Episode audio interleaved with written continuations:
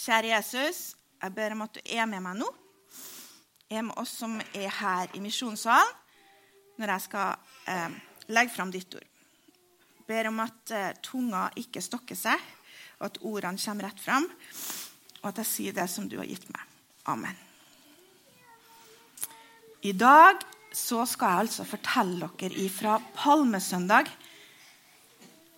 Og jeg har akkurat vært på en påskeleir. Og på påskeleiren så gjorde vi én ting på påskeaktivitetene. Vi laga oss en boks.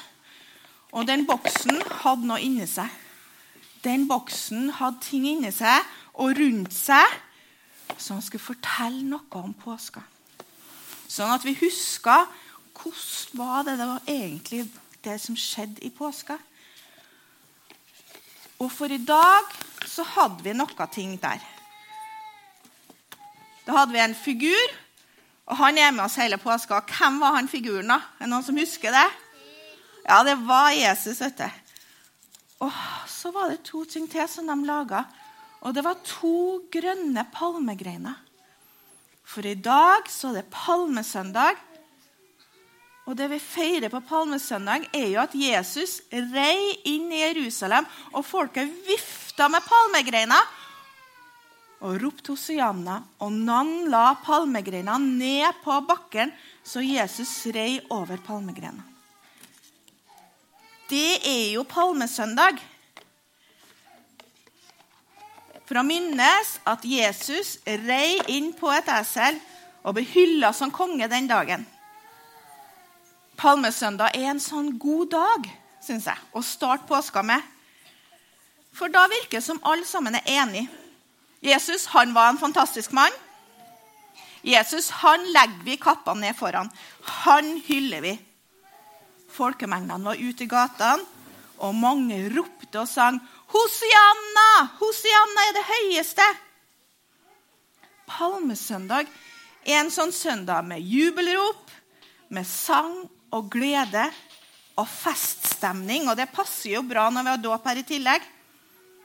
Palmesøndag var virkelig en god dag å starte påska med. Eller er det egentlig litt mer komplisert? Den teksten som er fått til i dag, den begynner litt før jubelropene kommer. Litt før 17. mai-stemninga er. Vi går inn i et stille hus i Betania. Hjemme hos en familie som kjenner Jesus kjempegodt. Flere ganger har Jesus kommet hjem til dette huset og vært sammen med dem.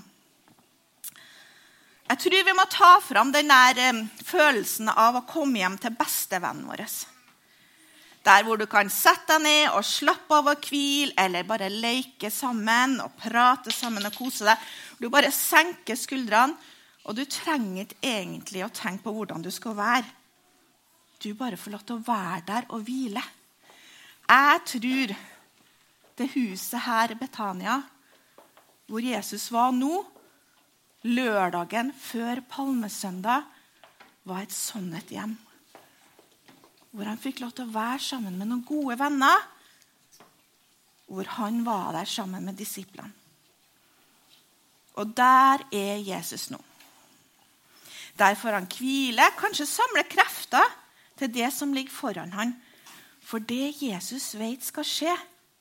Hva er det Jesus vet skal skje, men som disiplene egentlig ikke helt har skjønt? Hva er det Jesus så mange ganger har sagt til disiplene, men ennå så har de skjønt det helt? Hva er det Jesus må gjøre i påska? Hva er det Jesus må gjøre i påska? Ja, ja Jesus måtte dø på kors. Og her er dagen før det hele braker løs. Også. Hva er det som skjer inne i det huset her, da? På denne lørdagskvelden? Jesus han drar altså hjem sammen med disiplene til denne familien. En av dem hadde han vekt opp fra døde for ikke så lenge siden. Han var broren til to søstre. De var tre stykker i den familien som vi vet om. To søstre som var ganske forskjellige. Hun ene søstera hun, hun likte å ordne til mat. og passe på at alle sammen som kom på besøk, hadde nok mat og drikke. At den som kom på besøk, fikk den beste plassen å sitte på. Og hvis hun var sånn som mammaen min, så passa hun på at senga var redd opp lenge før de kom, så alt var klart når gjesten kom. Hun heter for Martha, og kanskje var Martha sitt kjærlighetsspråk tjeneste. Den andre søstera liker å sitte rett foran føttene til Jesus lytte til han har fortalt, lære ifra Jesus. Hun heter for Maria. Og kanskje kjærlighetsspråket hennes var tid. Hvem er det da som er broren deres, som ble vekt opp fra det døde? Har dere skjønt det? Ja? Det er Lasarus. Lasarus sitt hjem er de nå inni. Og Nå skal vi starte å lese fra Johannes 12, og fra vers 1 og så skal ikke vi lese så langt med en gang, da. Men litt av det skal vi lese. Seks dager før påsken kom, kom Jesus til Betania, der Lasarus bodde, han som Jesus hadde vakt opp fra de døde. Der ble det holdt gjestebud for han. Martha varta opp, og Lasarus satte med til bords. Da kom Maria Sånn som vanlig så varta Martha opp, og Maria kom og satte seg med Jesus. Men så skjer det noe underlig. Noe som jeg ikke tror skjer så ofte før. Husker dere de tre vise mennene som kom til stallen til Jesus da Jesus ble født? De hadde jo med seg gull, røkelse og myrra. Og myrra det ble brukt som en salve når de skal salve kongene til tjenestene sine, eller når noen skal begraves. Og på denne lørdagen før palmesøndag så skjedde det noe underlig. Hun Maria hun salva Jesus med en lignende olje som myrra, som kalles for nardussalven. Og selv om Maria bodde i Betania, som betyr den fattige byen, så hadde hun samla salve for 300 denarer. Og 300 denarer, det var på den tida 300 dagslønner. Det vil si et helt års dagslønn. Det vil si like mye som en splitter ny bil. Nå fikk jeg mannen min til å finne en sånn bil som kosta sånn cirka det som 300 denarer. 500 000 kroner. Den salva som Maria helte over føttene til Jesus, var så mye verdt. Og dufta fylte hele huset. Oi. Hun må virkelig elske Jesus. Hun må virkelig vite hva godt hun kan gjøre for Jesus hvis hun har brukt så mye penger på ei salve Hørte dere jeg sa at eh, de brukte den myrrasalva til å salve kongene før de ble konger, og til begravelse? Hadde Maria skjønt noe som eh, disiplene kanskje ikke helt hadde skjønt ennå? Vi vet jo egentlig ikke, men vi vet det at Lasarus for ikke så lenge siden var død, og nå var han blitt levende av Jesus. Og nå brukte Maria den salva som var tenkt til Jesus når han skulle dø, på føttene hans isteden. Kanskje i takknemlighet for hva Jesus hadde gjort for broren hennes. Eller kanskje fordi hun forsto det at Jesus var den kongen de hadde venta på. Kanskje hun også forsto det at Jesus snart kom til å dø? Jeg vet ikke hva svaret er, men hvis vi ser i ettertid, så kunne det jo egentlig bety begge deler.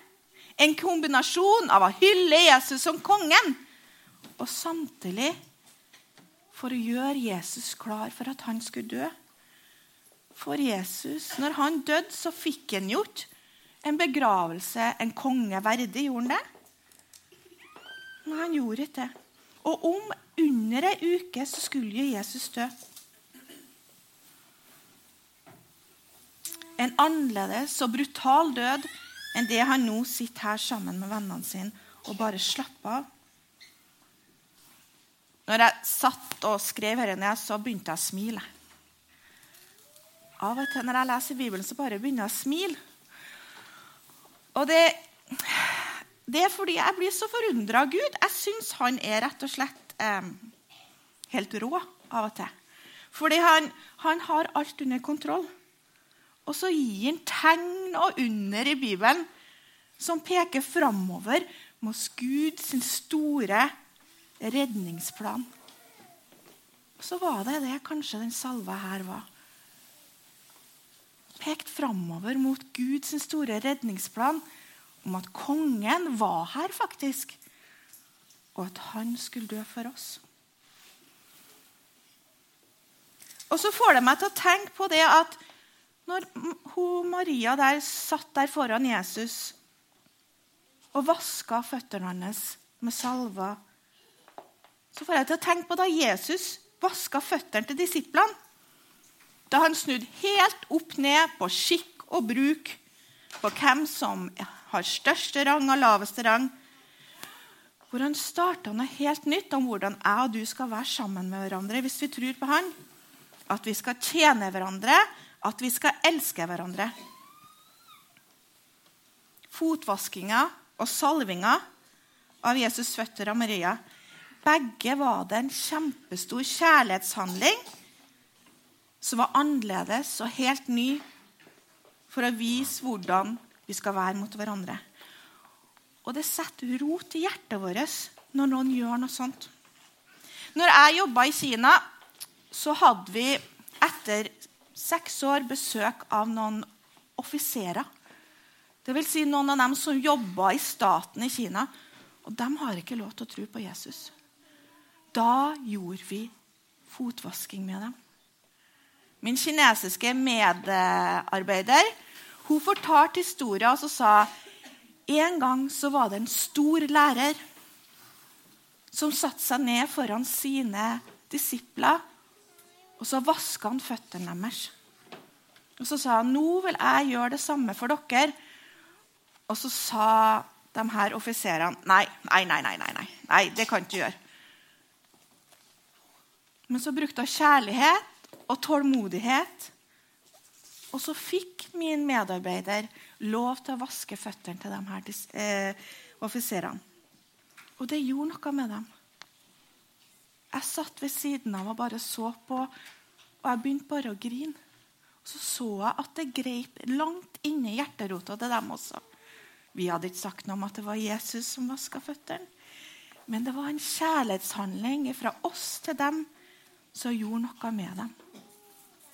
Det å vaske føtter, det at Maria brukte oljen på føttene til Jesus, den kjempedyre oljen, det gjorde noe med dem alle sammen.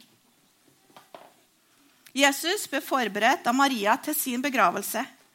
En uendelig kjærlighet hun måtte ha hatt til han når hun brukte den kjempedyre olja og tørka føttene til Jesus med lange håret sitt. For en bekreftelse det måtte ha vært for Jesus. For en start på påskeuka som venta han. Men så snur stemninga. Nå snur det som skjer neste i dette huset. Jesus hadde jo med seg sine tolv disipler. Og en av dem han syntes det her var sløsing av penger. Han syntes at pengene der var brukt helt feil. Og Vi skal lese fra vers 4 til 6. Da kom Maria med et pund ekte kostbare nardussalve, og med den salven salvet hun Jesus' føtter og tørket dem med sitt hår. Hele huset ble fullt av duften. Da sa Judas Iskariot, en av disiplene, han som siden forrådte Jesus, Hvorfor blir ikke denne salven solgt for 300 denarer og pengene gitt til de fattige? Dette sa han ikke fordi han hadde omsorg for de fattige, men fordi han var en tyv. Det var han som hadde kassen, og han pleide å ta av det som eh, pleide å ta av det som ble lagt i den. Det var Judas. Og hvis jeg ikke tar helt feil, så er det første gangen vi ser denne sida av Judas.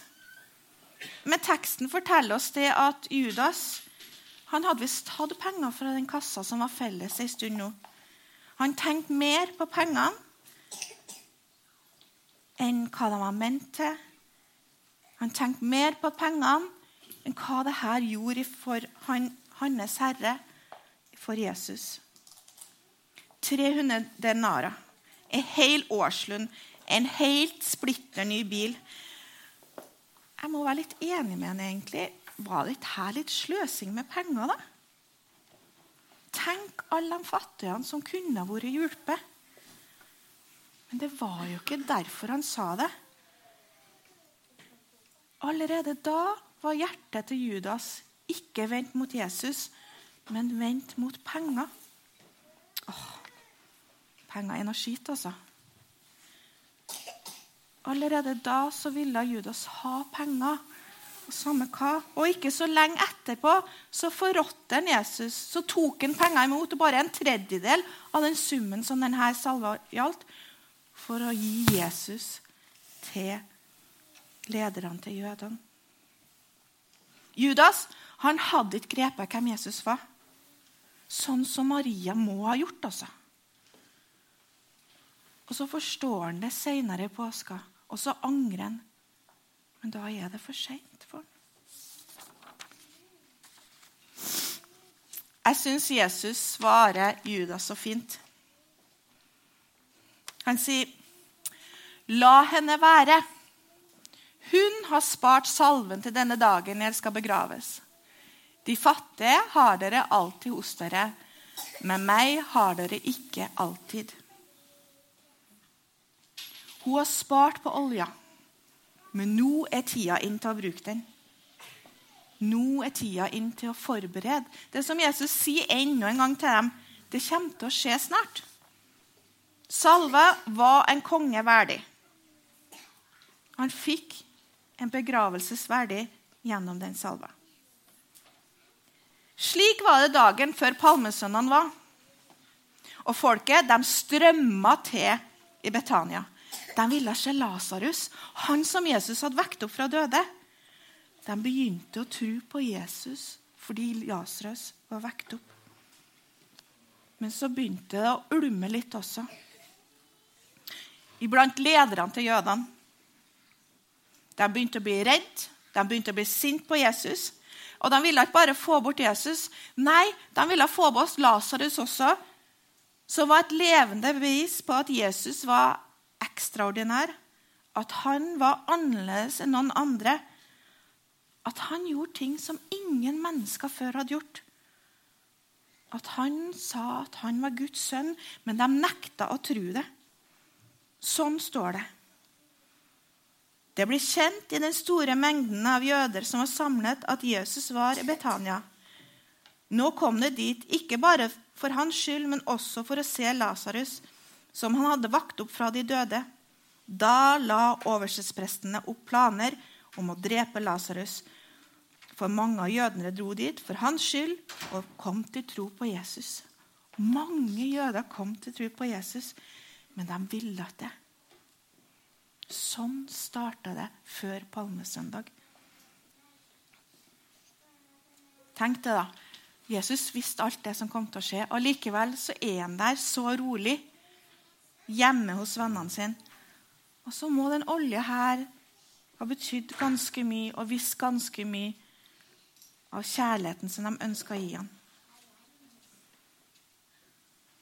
Det er det de har med seg når de går inn med palmesøndag, som vi feirer i dag.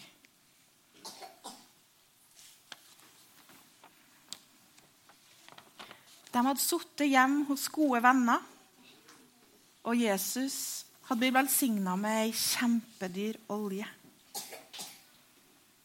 Dagen etter fikk folkemengden som var kommet til festen, høre at Jesus var på vei inn i Jerusalem.